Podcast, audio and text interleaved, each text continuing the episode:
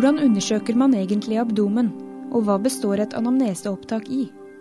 Et nytt norsk nettsted lærer deg dette, via tekst, bilder og videoer. Velkommen til tidsskriftets podkast for nummer 16 2009. Under medisinstudiet brukes mye tid over lærebøkene og på forelesningssalen. Interaktiv læring og ferdighetstrening kan være nyttige supplementer, noe Journal Viki er et eksempel på. Det er en nettbasert læringsressurs som er ment som et supplement til propedeutikkundervisningen, forteller initiativtaker og administrator Arne Westgård. Journalwiki er en veiledning i klinisk undersøkelsesmetodikk for legestudenter.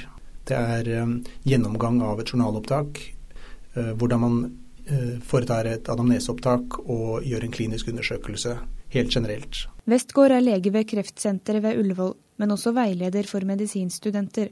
Han har undervist i propedeutikk og klinisk undersøkelsesteknikk ved Universitetet i Oslo i seks år, og står bak mye av innholdet i denne e-læringsressursen.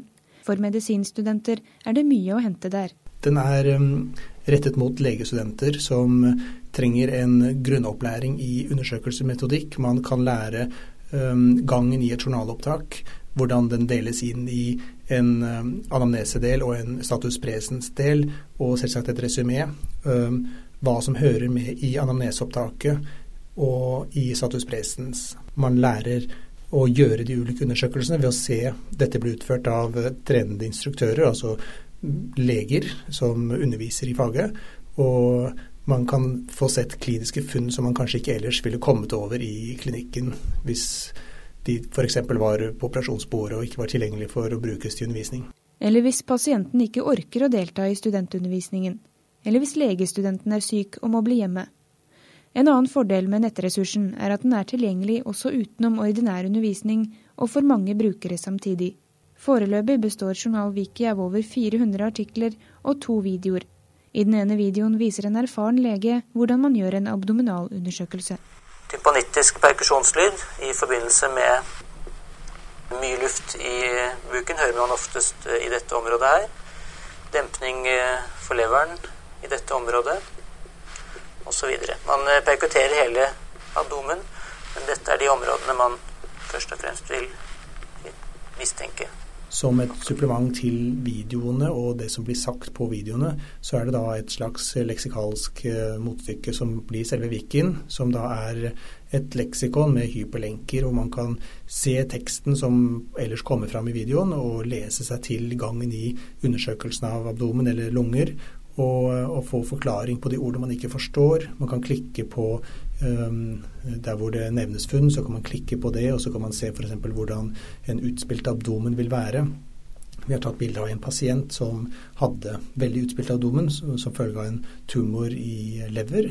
Og der har vi også tegnet opp uh, på pasienten grensene for hvor man kunne høre dempning som uttrykk for at leveren var forstørret. Og vi har også supplert med et CT-bilde som viser da leveren på den måten. Etter hvert vil det altså komme tilsvarende veiledninger for de andre organsystemene. Westgård og kollegene mener dette tilbudet kan bidra til å standardisere undervisningen for norske medisinstudenter. Vi bruker spesielt eh, norsk terminologi, selvfølgelig. Dette kan være interessant for norske legestudenter som studerer i utlandet, som det er blitt en del av.